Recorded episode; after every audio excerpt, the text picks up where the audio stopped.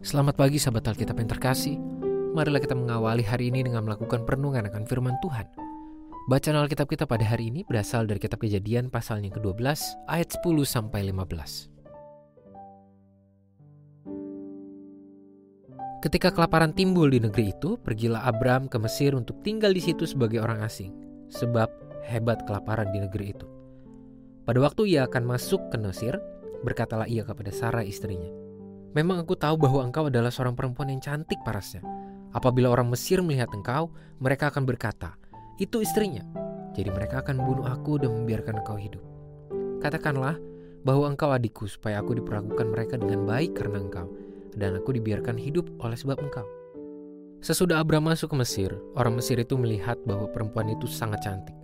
Dan ketika punggawa-punggawa Firaun melihat Sarai, mereka memuji-mujinya di hadapan Firaun sehingga perempuan itu dibawa ke istananya.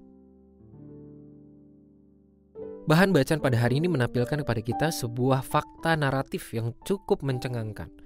Secara khusus di tengah konteks hidup patriarki.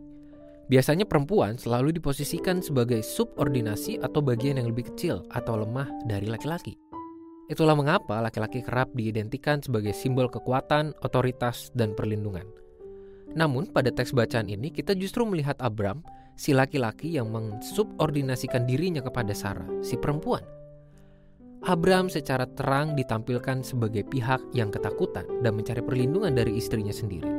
Ia mengakui ketakutannya dan memohonkan perlindungan dari Sarah, perempuan yang biasanya diposisikan sebagai pihak yang mendapatkan perlindungan dalam sebuah keluarga.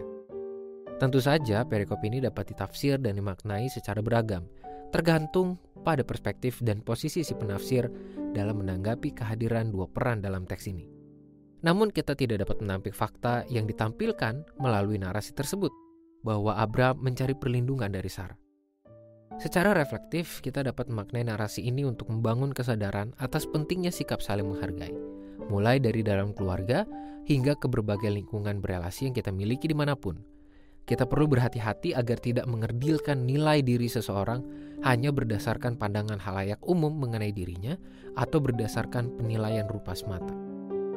Tidak jarang seseorang dipandang remeh hanya karena statusnya yang dianggap tidak memenuhi standar kompetensi pada umumnya dari masyarakat. Contohnya, seorang anak yang jarang sekali dimintai pendapat di dalam keluarga ketika mereka sedang berada dalam pertimbangan untuk mengambil satu dua keputusan. Orang dewasa atau para orang tua kerap mengerdilkan nilai opini anak-anak karena dianggap tidak punya pengalaman yang sebanding dengan mereka. Padahal, tidak jarang peran seorang anak kecil dalam sebuah keluarga mampu menghadirkan transformasi yang besar bagi setiap anggota di dalamnya, meski ia masih belia. Kisah Abram menunjukkan bahwa pihak kuat tak selamanya menjadi pelindung bagi pihak lemah. Bahkan, ada momen ketika pihak yang biasanya dianggap lemah justru melindungi pihak yang selama ini dianggap kuat. Segala potensi itu ada karena peran Tuhan yang selalu mampu menghadirkan pertolongan dan penyertaan meski muncul dalam cara yang sering dipandang tidak seperti pada umumnya. Marilah kita berdoa.